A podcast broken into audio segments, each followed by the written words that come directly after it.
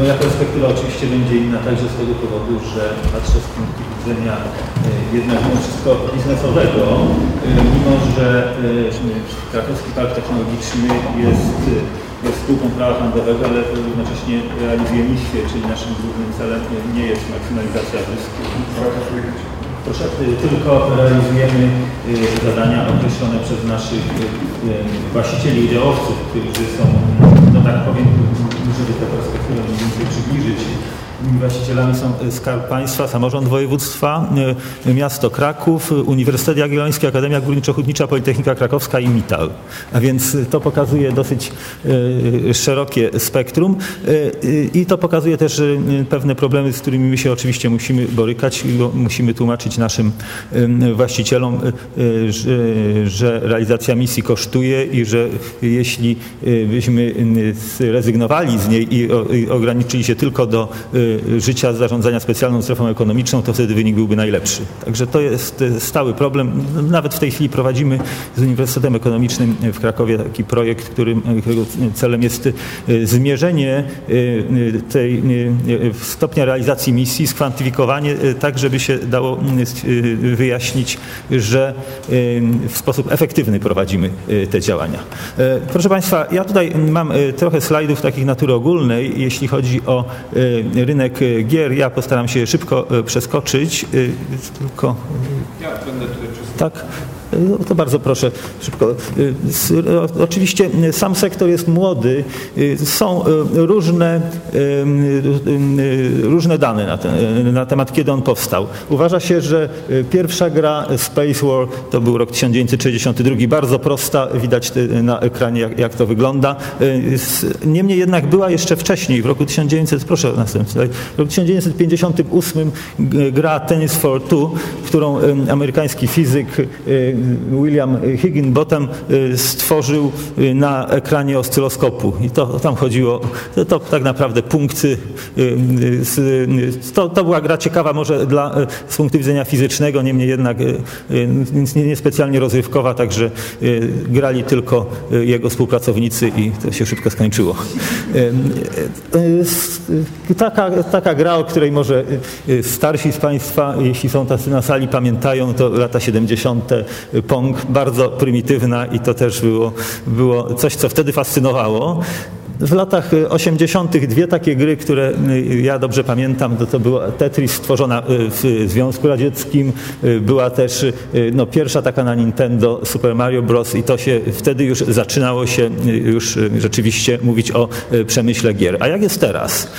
Teraz, proszę Państwa, wartość, proszę, wartość rynku, globalne przychody w roku 2008 to jest 48 miliardów dolarów. Y, wzrost jest 10% rocznie. W roku 2012 będzie to 68 miliardów dolarów. Tutaj mam dane, które mam zresztą z DG Competition, jeśli chodzi o, o Europę. Ja za nie nie odpowiadam, bo słyszę, że, że każdy tymi danymi innymi dysponuje. Niemniej jednak Europa w roku 2008 to, to było trochę ponad 7 miliardów euro. No i oczywiście trzeba pamiętać o tym, że, że to jest tylko Y, sam przemysł gier. Y, y, jemu towarzyszą, towarzyszy produkcja platform, znaczy produkcja sprzętu komputerowego. Jest on na różnego rodzaju platformach. Te platformy się rozwijają szybko, w związku z tym, jeśli byśmy zaczęli się jeszcze nad tym bardziej zastanawiać, no to widać, że gry tak naprawdę napędzają dużą część przemysłu w tej chwili.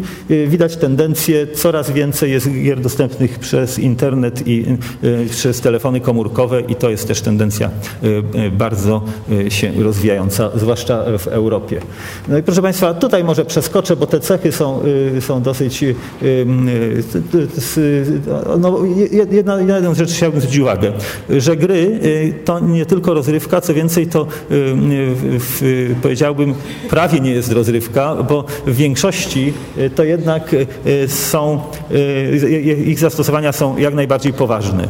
Najbardziej poważne zastosowania to są w zastosowania chociażby militarne, zastosowania w medycynie, zastosowania dla, w, no choć, choćby przy testowaniu sprawności pilotów lotniczych, kierowców i tak dalej. Także to z tych gier symulacyjnych jest bardzo dużo, a co więcej, techniki, które się w tej chwili pojawiają czy rozwijają, powodują, że no, no na przykład ta, taka jak próba sterowania poza bezdotykowego, już nie, nie tylko gałkami ocznymi, ale bezpośrednio mózgiem, powodują bardzo poważne zastosowania praktyczne, dlatego że no na przykład mózg nasz wie, że będzie wypadek samochodowy znacznie, znacznie wcześniej niż reagujemy. Także gdyby się udało znaleźć bezpośrednie przełożenie z mózgu na, no, na, na przykład na system sterowania samochodem czy samolotem, możliwe są, jest uniknięcie katastrofy. I to nie są, to nie jest żaden science fiction, tak po prostu już w tej chwili jest i ja na tym jeszcze się na chwilkę skupię za moment. No i teraz tutaj ja tu przywołałem to, o czym e, Panie już e, mówiły. E, z punktu widzenia branży gier jest też bardzo istotne, żeby stwierdzić, czy gry wideo to produkty kultury, czy nie. Bo jeśli są produktami kultury, to mogą liczyć na pomoc publiczną. No i tutaj mamy przywołaną przez Panią, panią komisarz Kros, która stwierdziła, że tak, są, ale pod pewnym... Ona, ona z kolei przywołała właśnie UNESCO, że, więc taki wyłom rzeczywiście UNESCO stworzył, że, że tak, mogą być, ale pod pewnymi warunkami. E, a jaki był pretekst? Pretekst był e, taki, że e, Francuzi chcieli uzyskać odpis podatkowy związany z produkcją gier, no i wtedy właśnie okazało się, że tak, owszem, może być, ale jeśli to nie, nie, nie zakłóca konkurencji, nie jest to na zasadach komercyjnych, tylko no, zwiąże się z szeroko pojętą misją, no to wtedy, wtedy jest ok.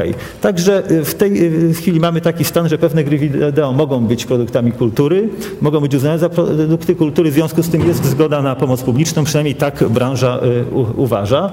Y, mamy różnego rodzaju y, już programy wsparcia dla, dla gier, w szczególności są to dla tych właśnie poważnych gier, ale one mają raczej kontekst taki biznesowy powiedziałbym. Także tu, gdzie mamy te, te poważne, na przykład Berlin się ogłasza, że będzie stolicą gier tych Serious Games. Proszę bardzo dalej. No tutaj no to, to przeskoczymy, aczkolwiek chciałbym powiedzieć, że, że no, y, na aspekt taki poza y, y, z gier, no ja sam miałem z nim do czynienia, gdy mój syn zainteresował się grą Dzikie Pola, to była jeszcze gra RPG wtedy, potem ona stała się już grą taką wideo. I muszę powiedzieć, że poznał doskonale historię XVII wieku, a już czy XVIII, a już XIX, XX nigdy nie miał y, y, żadnej motywacji. Także jest to niezwykle mocne źródło wiedzy. Chciałbym podkreślić to właśnie dla młodych ludzi, ponieważ no, to, ich, to ich bardzo motywuje do pracy. No, ostatnio taka gra ogniem i mieczem też y, z tego, co się orientuje, wzbudza duże zainteresowanie. No poza tym wzbudza duże znaczy, tak, wyzwala inwencję, powoduje e, promocję nauk ścisłych. Też wydaje się to niemożliwe, żeby, można, e, żeby zachęcić gimnazjalistę do e, zainteresowania naukami ścisłymi. Tutaj widać, jest to, jest to możliwe. No i poza tym coś, co w tej chwili widać wyraźnie, że pojawiają się nowe modele współpracy, te, tak zwany model otwartej innowacji choćby szczególnie. To jest coś, co przy grach w sposób naturalny, przy produkcji gier w sposób naturalny się pojawia, więc ci duzi producenci producenci w sposób naturalny y, szukają rozwiązań u y, małych firm, a często u, u, u pojedynczych osób nawet, które y, często te rozwiązania dostarczają i w ten sposób te modele się rzeczywiście realizują w praktyce. Bardzo proszę dalej. No i proszę jeszcze. Coś się zaci zacięło się? No to zaraz. W każdym razie y, ja y, może przeszedłbym do, y, a w międzyczasie może się uda, do informacji o, no, do przeszedłbym do naszego kontekstu regionalnego. Jakiś, bardzo proszę. Tak, to jest, to jest to. Okej. Okay. W, nie tak dawno, to był rok 2008, zgłosiła się do nas w Krakowskim Parku Technologicznym grupa producentów gier początkujących, początkujących takich, którzy mają firmy kilkuosobowe i z informacją, że oni by szukali możliwości stworzenia właśnie ta, ta, takiego, takiej sieci, taki, takiego klastra, ponieważ u nich w sposób naturalny, gdy tak, potrzeba takiej takiej współpracy istnieje. E, e, w tym środowisku raczej się współpracuje, a nie konkuruje. E, mówię o tych małych firmach, nie mówię o, o gigantach, którzy oczywiście mają swoją politykę. No i cóż, ponieważ równocześnie okazało się, że jest dość duży potencjał naukowy, no to postanowiliśmy to, to połączyć wysiłki razem też z administracją tutaj z miastem i z regionem i w ten sposób powstał e, klaster e, gier, a e, w międzyczasie, dzięki temu, że, że właśnie ta, ta inicjatywa się zrodziła, uczelnie, Uniwersytet Jagielloński, a Akademia Górniczo-Hutnicza stwierdziły, że jest tutaj bardzo duży potencjał i co? I powstała, powstało coś, co nazwali szumnie Europejska Akademia Gier, ale to się okazało, że ta szumna nazwa dosyć pomogła, ponieważ szybko wyzwoliła zainteresowanie także spoza Krakowa. Do tego klastra przystąpiło wystąpiło ponad 20, 29 chyba podmiotów y, wtedy już i to były też tutaj też firmy od Bydgoszczy, Wrocławia, Warszawy, aż po oczywiście Kraków. Niemniej jednak ta pierwsza inicjatywa, ta Europejska Akademia Gier wydaje się przyniosła no, takie najbardziej widoczne efekty. Bardzo proszę dalej. Od razu otwarcie jej było, wzbudziło zainteresowanie także ze strony przedstawicieli rządu. No i no i dzięki temu myślę, że y, y, pewna y, o, o tej inicjatywie było głośno. Proszę bardzo dalej. I jaki mamy efekt w tej chwili? Już w roku 2009 zostały stworzone studia podyplomowe i to nie tylko poświęcone produkcji, ale też poświęcone pisaniu scenariuszy i tak dalej. Także ca, całe, bo tutaj jest już, nie, nie, chciałem chodzić w szczegóły, jest cała masa odrębnych zagadnień, które należy rozwiązać i to nie są tylko zagadnienia stricte techniczne. W roku 2010, dokładnie no, no, w tym roku od października, ruszają studia drugiego stopnia, czyli magisterskie na Uniwersytecie Jagiellońskim, ale one są wspólną, wspólną inicjatywą z AGH, no tylko że to formalnie oni tego nie mogą jeszcze w tej chwili razem prowadzić. Niemniej jednak już zakładają, że w przyszłym roku 2011 będą po prostu y, y, pełne studia magisterskie poświęcone y, grom. No i teraz są laboratoria już w tej chwili wyposażone do wspólnej pracy, co jest istotne dla początkujących, zwłaszcza tutaj przedsiębiorców, producentów tych gier. Nawet już studenci tworzą swoje gry, takie, takie dwie, dwie gry już praktycznie powstały. Powstały przez, dzięki ich regularnym spotkaniom i, no i współpracy. Ta współpraca oczywiście nie polega na tym, że siedzą cały czas w laboratoriach, tylko wymieniają się raz na jakiś czas swoimi osiągnięciami. To, co są właśnie te warsztaty zespołowego programowania. No i co ciekawe, powstało też stowarzyszenie Game Dev, czyli Game Development Student Association i to jest koło naukowe, które ma zasięg też nie tylko krakowski, tylko, tylko szerszy i y, obejmuje nie tylko studentów, ale też uczniów, ponieważ uczniowie tutaj, to już właściwie w, w klasach, y, w, w szkołach średnich już są na takim poziomie, że y, spokojnie mogą się włączać w produkcję tego typu gier. No i proszę Państwa, to wyzwoliło też badania i w tej chwili, jeśli chodzi o tę Europejską Akademię Gier, my mamy w tej chwili już taki poziom, że rzeczywiście jest, są prace badawcze. Jeśli chodzi o programowanie fizyki w czasie rzeczywistym, no to jest oczywiste, bo, musi być te, te, tutaj każdy z zagadnień typu, gdy upada przedmiot i, i, i się tłucze, to realistycznie musi być to odtworzone i tak dalej. Poprzez przetwarzanie w, w chmurze, tak zwany cloud gaming, to coś wiadomo, nie będę wchodził w szczegóły, ale tutaj chodzi o rozproszone ośrodki. Technologie motion capture, czyli odzorowywanie ruchu i potem uczenie metodą sieci neuronowych i tak, tak dalej, żeby nie, nie, nie tworzyć klatka po klatce. Interakcja człowiek-komputer, o tym już mówiłem i interfejs mózg-komputer, co jest istotne, co okazało się, że tutaj przy, przez połączenie informatyków, prac informatyków i, z, i z pracowników z Kolegium Medicum, a także z Instytutu Psychologii są już e, e, zainteresowania, nawet już e, pracownicy chcą założyć firmę, tak zwany spin-off, który się będzie tym zajmował komercyjnie. Także powstała już powstał zakład technologii gier na Uniwersytecie Jagiellońskim, gdzie są pracownicy o, o, o, doświadczeniu wieloletnim. Także, także widać, że, że to się bardzo mocno nakręca. Proszę bardzo dalej. No i proszę Państwa, jaka tutaj nasza rola przy tym, bo może to będzie dla Państwa interesujące. Więc y, oczywiście jesteśmy partnerem tego klastra y, gier. E, co więcej, e, uczestniczymy w e, tego typu inicjatywach właśnie klastrowych w większej liczbie. Uczestniczymy w pracach Centrum Designu, które, którego tam jest około też 30 podmiotów.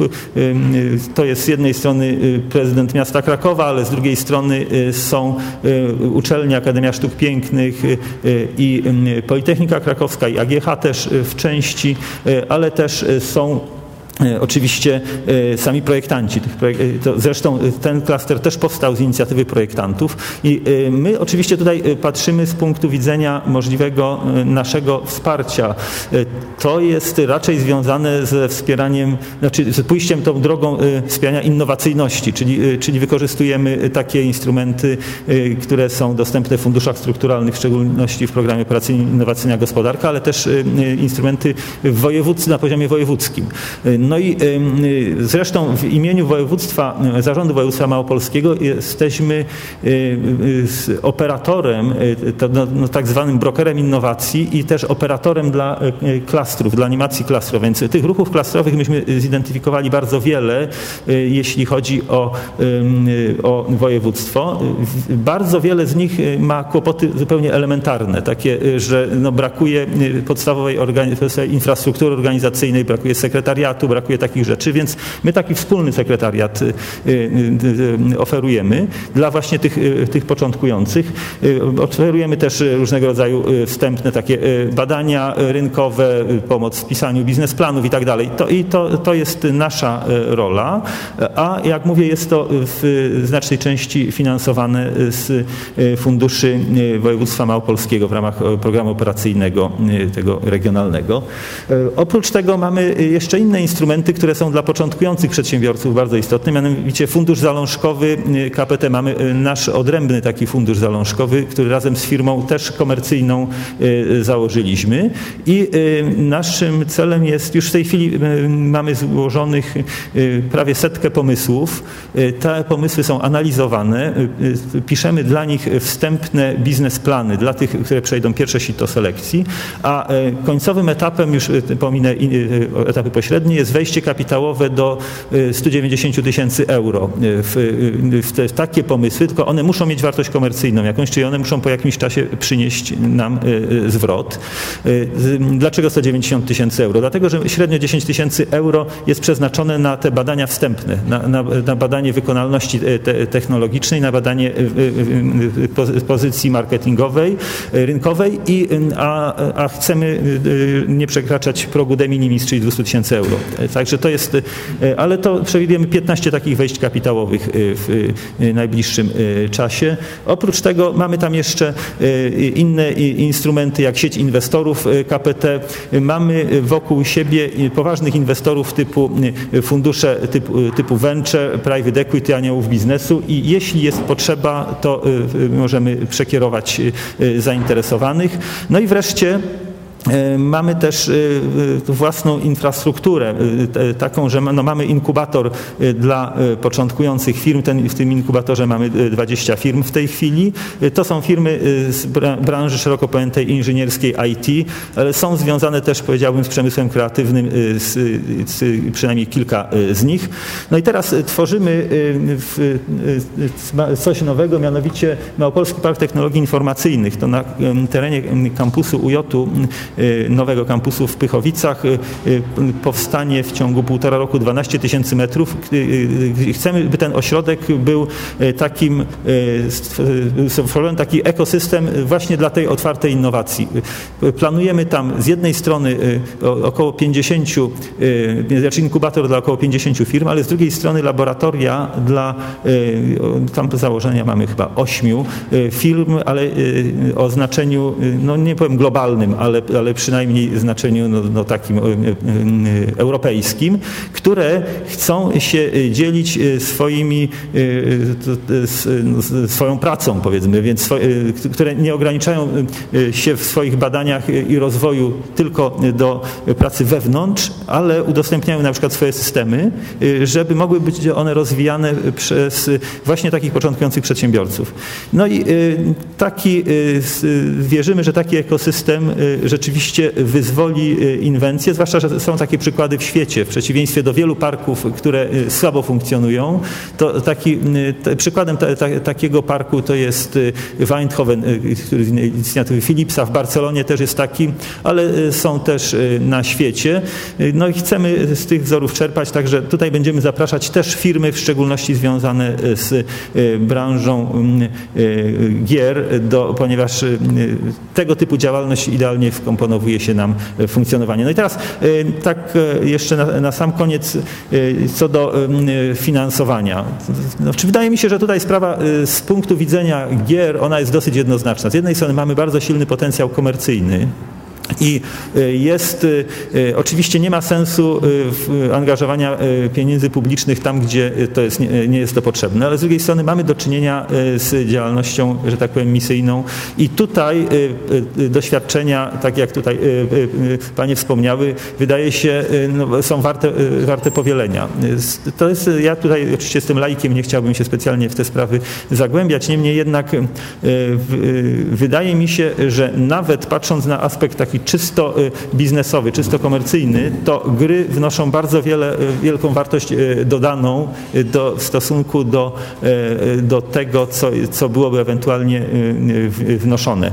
Jeszcze tak zupełnie na koniec powiem, że właśnie z perspektywy regionalnej my prowadzimy też, zresztą pan tutaj redaktor jest zaangażowany w ten projekt regionalny Foresight, perspektywa technologiczna Kraków Małopolska 2020.